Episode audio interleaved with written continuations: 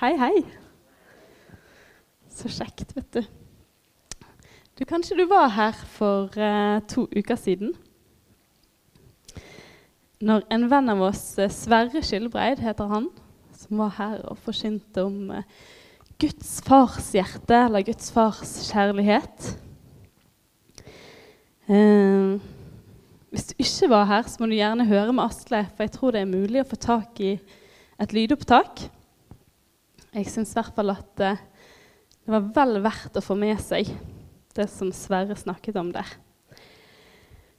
Jeg vil påstå det at, uh, at dette temaet her, med Guds fars hjerte, er noe av det mest grunnleggende for oss i dannelsen av vårt gudsbilde. Og som igjen former hvordan vi forholder oss til Gud, hvordan vi henvender oss til Han hva tanker vi har om eh, hvordan han vil møte oss. Og igjen hvordan vi presenterer Gud for andre. Um, og så viser det seg Dette syns jo jeg er litt spennende, da. At uh, hvordan dette farsbildet ser ut, det har hos de fleste av oss òg blitt påvirket mye av hvordan våre foreldre eller vår far har eh, vært, hvordan du har opplevd din far. Og Derfor kan det iblant være nyttig da, å få høre undervisning om dette her temaet for å justere litt, sånn at det bildet som du har av din himmelske pappa, faktisk kan være noe som denne boken her representerer. At det ikke er løgner eller eh, småting som er litt forvridd, og som ikke er helt sånn som uh, Gud har tenkt. For vi har, uh, selv om uh, sikkert mange av oss har veldig gode foreldre, så har vi kanskje ikke perfekte foreldre, noen av oss, skulle jeg tro. Og ingen når helt Guds standard for foreldreskap. Så i løpet av disse årene når meg og Asle har eh, bodd i byen, har vi fått lov til å være litt med og reise rundt og, og være med og dele litt av det budskapet med Guds fars hjerte. Og vi har fått sett så mange ganger, både unge og eldre, som har blitt møtt av dette budskapet, og som har fått lov til å være med på en sånn reise av å enkelt tale ut tilgivelse trenger ikke engang å være i en konfrontasjon holdt på å si, eller i en samtale med sine foreldre, men eh, sammen med Gud ofte. Bare få lov å tale ut den tilgivelsen og på en måte plastre eh, Sørge for at uh, disse områdene blir helbredet, sånn at man kan få gjenopprettet og kan få et mer sant bilde av hvem Gud faktisk er. Og ofte da så ender det med at man får erfare en, en nærere Gud.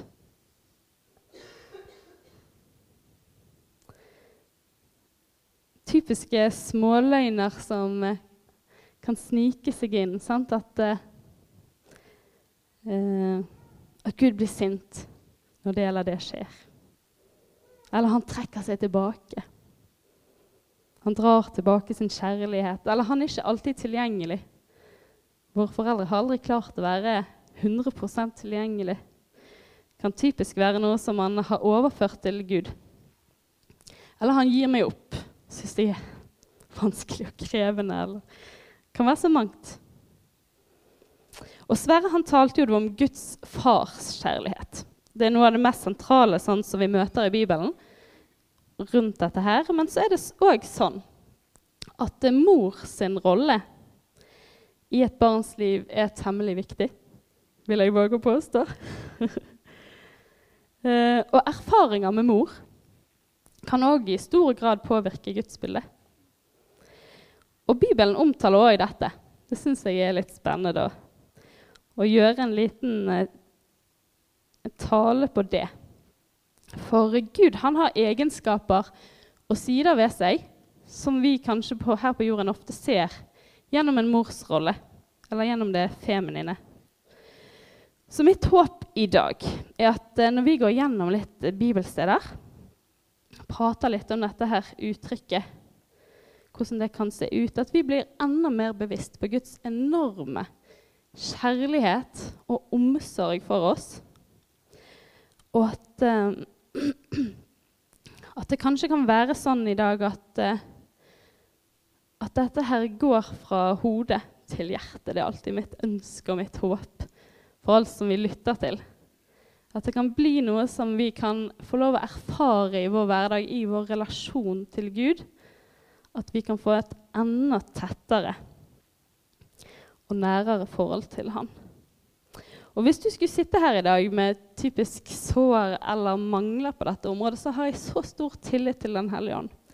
At han, eh, han taler til oss her vi sitter og lytter til noe sånt. Og hvis han skulle minne deg på en eller annen erfaring. Kan være en helt enkel, noen mer komplisert, selvfølgelig. Erfaringer som ikke har vært av de beste, som du tenker ikke representerer Gud som forelder.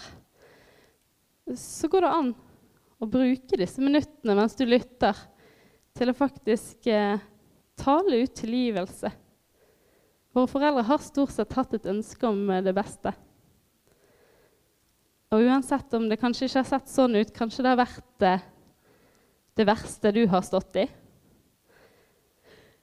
så kan du uansett vite at uh, tilgivelse handler jo ikke om uh, å på et knips uh, bygge tilliten igjen eller si at det var greit, men tilgivelse handler om å gi dette her til Jesus.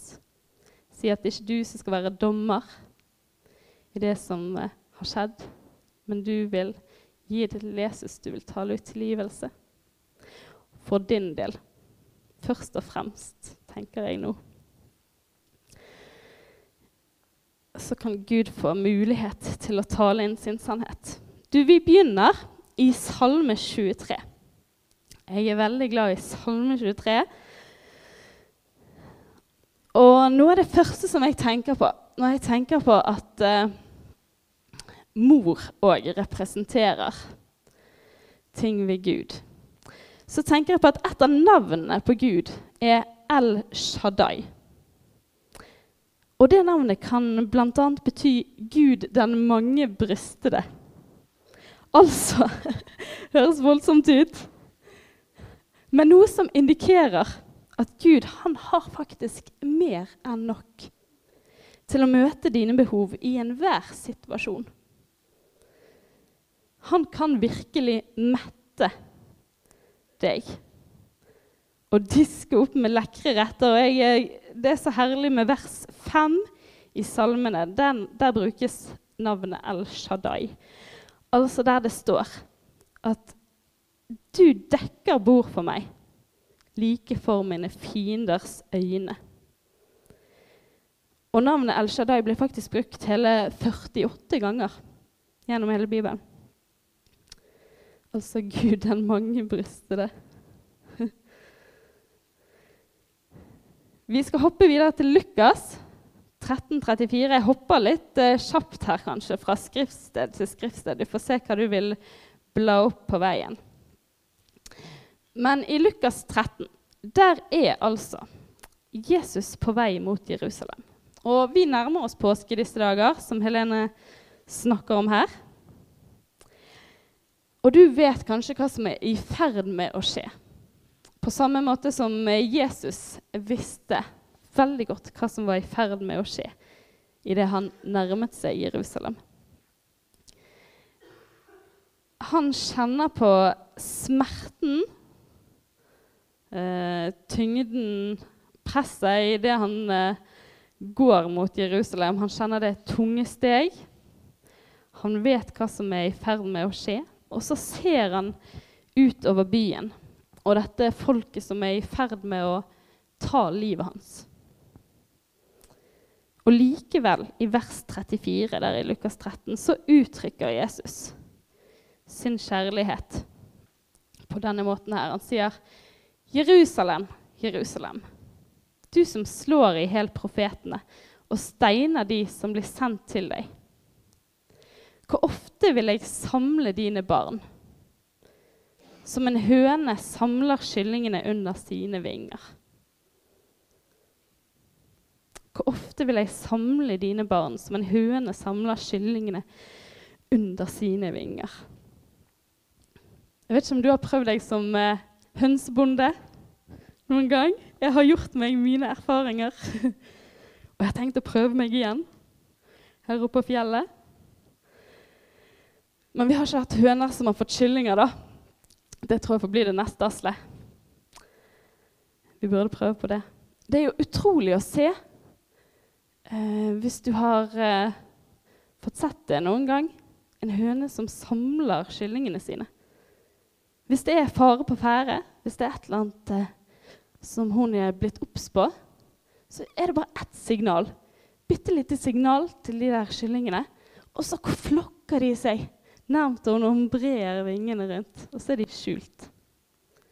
Skjult under hun. Skjult i Kristus, tenker jeg på. Der er det varmt, der er det lunt, der er det trygt. Godt å være. Det er der Jesus helst vil ha oss, og helst ville hatt sine idet han gikk mot Jerusalem. Jeg, eh, jeg, hørte en historie fra prærien. Et gårdsbruk som hadde brent ned. Og I etterkant gikk bonden rundt og sparket og så om det kunne være noe å ta vare på i det hele tatt. Det meste var sotete og nedbrent. Plutselig så sparket han til noe som bare så ut som et uh, kålhode.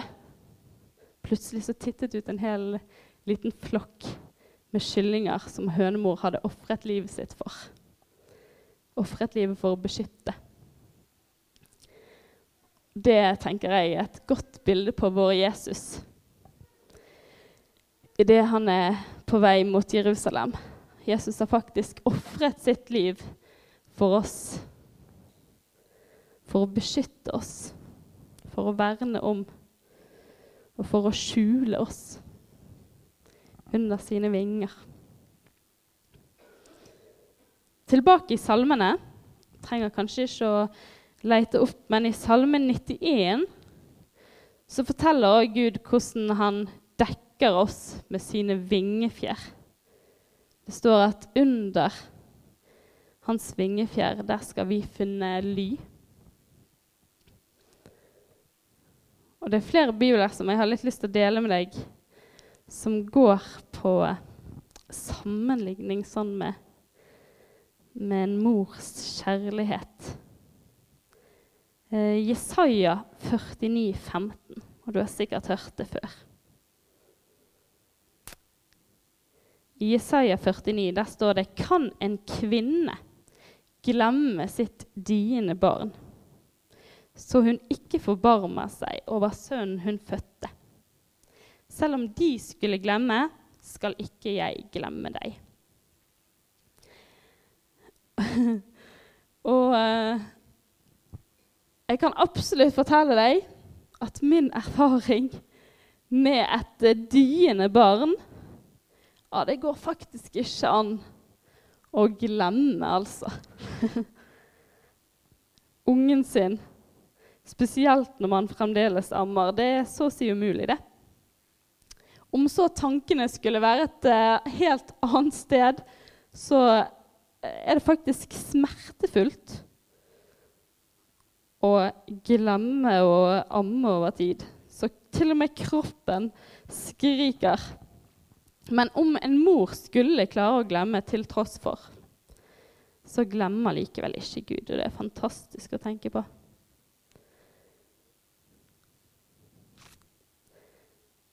Du er sikkert litt frustrert hvis jeg eh, Sånn som jeg hopper her, for nå hopper jeg tilbake i, salmene.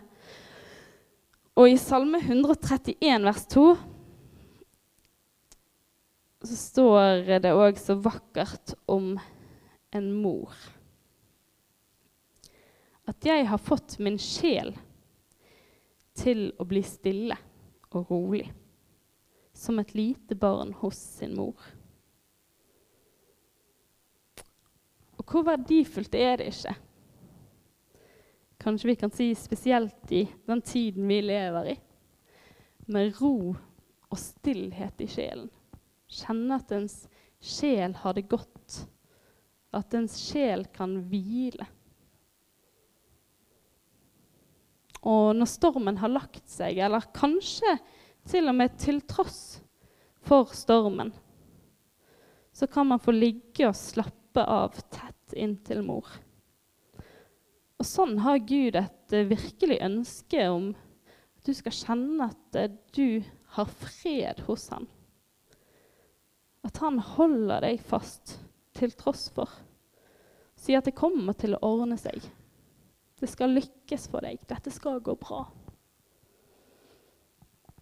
En mor har en, uh, ofte en utrolig evne til å prate til hjertet, er min erfaring. Å behandle det med varsomhet.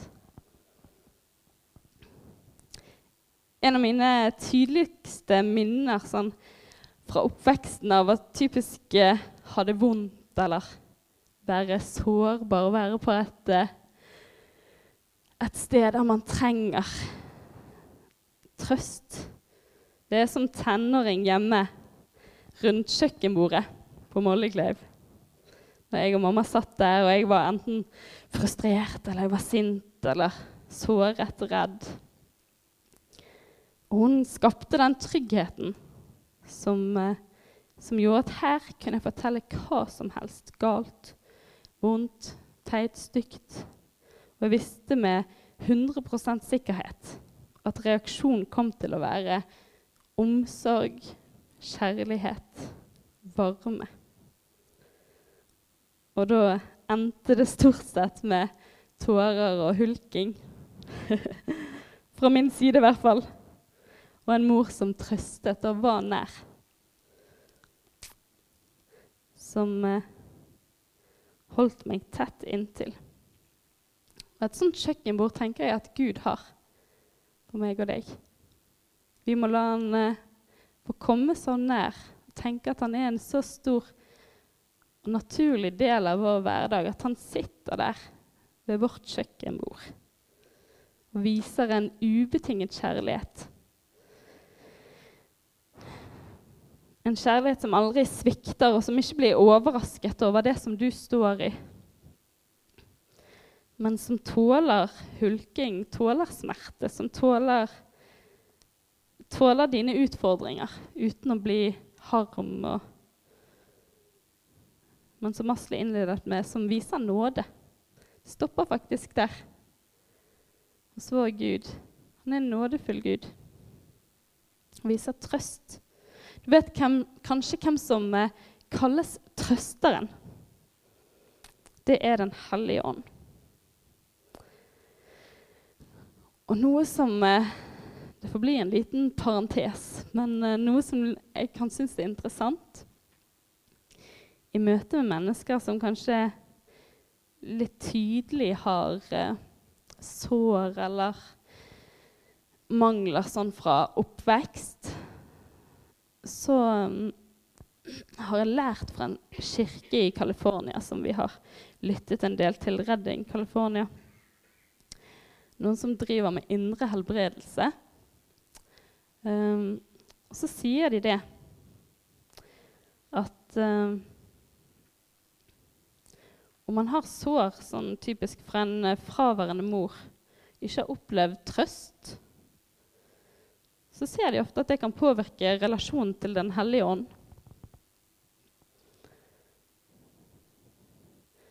Vel så mye som uh, relasjonen til Gud. Nå er det kanskje vanskelig å, å skille sånn hva påvirker vår relasjon til Jesus og Gud og Den hellige ånd. Men jeg tror likevel at det kan ha noen sannheter i seg. At når man tenker gjennom hvem Den hellige ånd er for oss, så kanskje man kan oppleve at man maler opp noe av dette som man kan ha lært gjennom en morsrolle i livet. Spesielt dette som går på trøst og være nær. Og mitt beste råd, som òg Sverre var inne på her når han var her for et par uker siden, er å våge å samtale med noen som man kan ha tillit til. disse tingene. Våge å be om forbønn. La Gud få en, en mulighet til å lege. Sånn at relasjonen til både Gud, Jesus og Den hellige ånd kan være uhindret. Vi kan få leve nært. Og kanskje det går an å tenke sånn at uh, hvem rundt deg bærer morskjærligheten på en sånn måte at du kan være frimodig og spørre dem om å legge hendene på deg?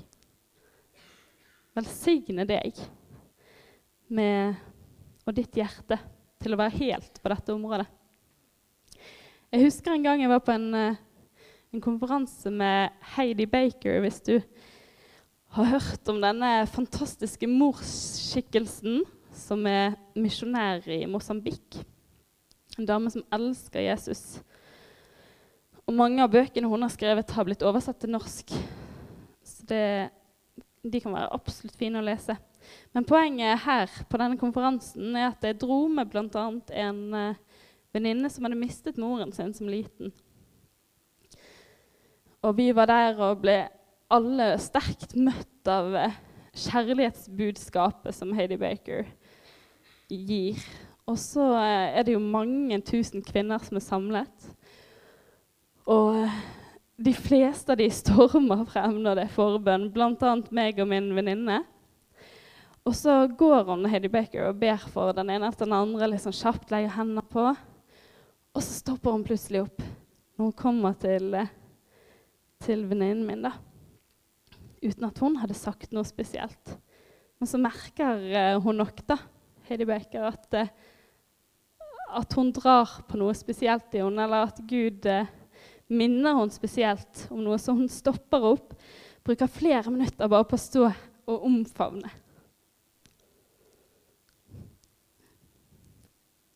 Nå blir jeg helt rørt, vet du.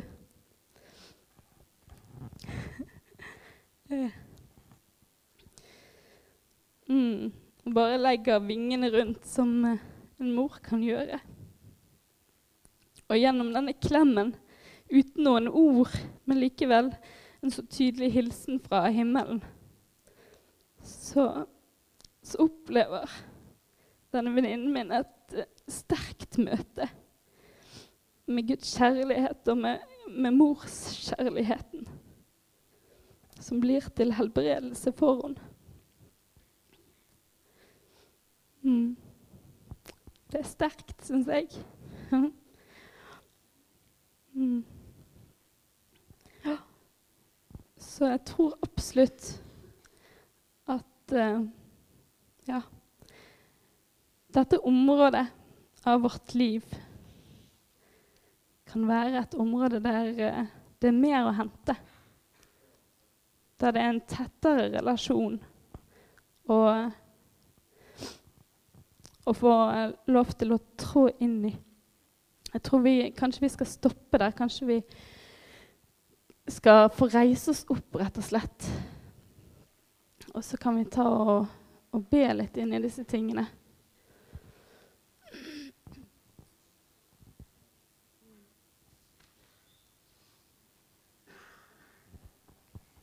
Mm. Og du kjenner hvor, eh, hvor dette kan røre i ditt liv. Hva du kan spørre, spørre Gud om, hva du kan spørre Den hellige ånd om i dag.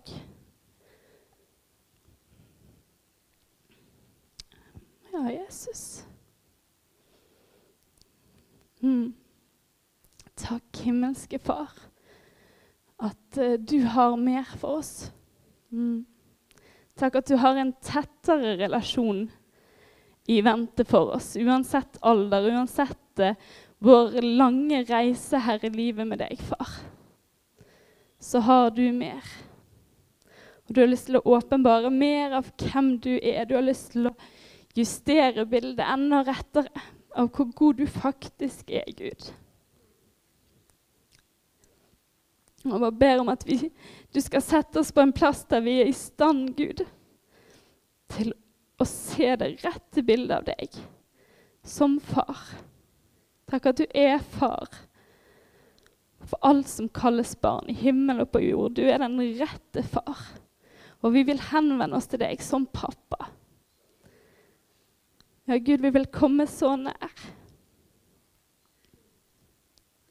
At du er vår far, som vi kan ha full tillit til. Og så ber jeg i dag om at du skal komme på de områdene av vårt liv der vi kan trenge å, å oppleve helbredelse, der vi kan trenge å få se et nytt bilde. Kanskje det er noen løgner som må vaskes vekk, Gud. Ja, Da ber jeg om at du, Hellige Ånd, skal komme og, og utfordre oss nå. At vi kan få lov å gi slipp. At vi kan få lov å puste ut. Ja, Jesus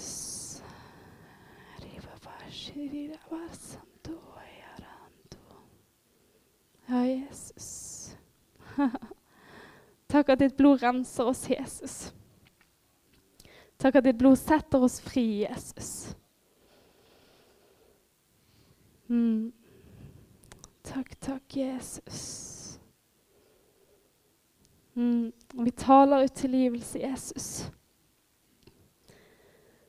på de områdene som måtte berøre oss. Jesus, vi setter fri de som har måttet såre oss, eller på forskjellige måter eh, gjort oss urett. Vi setter fri i Jesu navn. Vi gir slipp i Jesu navn. Takk, Jesus. Mm. Og så inviterer vi deg, Hellige Ånd, til å komme og danne dette bildet på nytt. Mal opp for oss, du. Hvem vår Far i himmelen er. Hvem vår bror og venn Jesus Kristus er, vår frelser. Hvem trøsteren og hjelperen Den hellige ånd er. og dra oss nær. Dra oss eh, La oss frimodig få sette oss ved kjøkkenbordet ditt, far. Ja, Jesus. Takk at der kan vi sitte uten skam, uten skyld, uten frykt. Takk at vi er elsket, vi er ønsket. Og du har behag i oss, far. Mm. Ja, Jesus. Mm.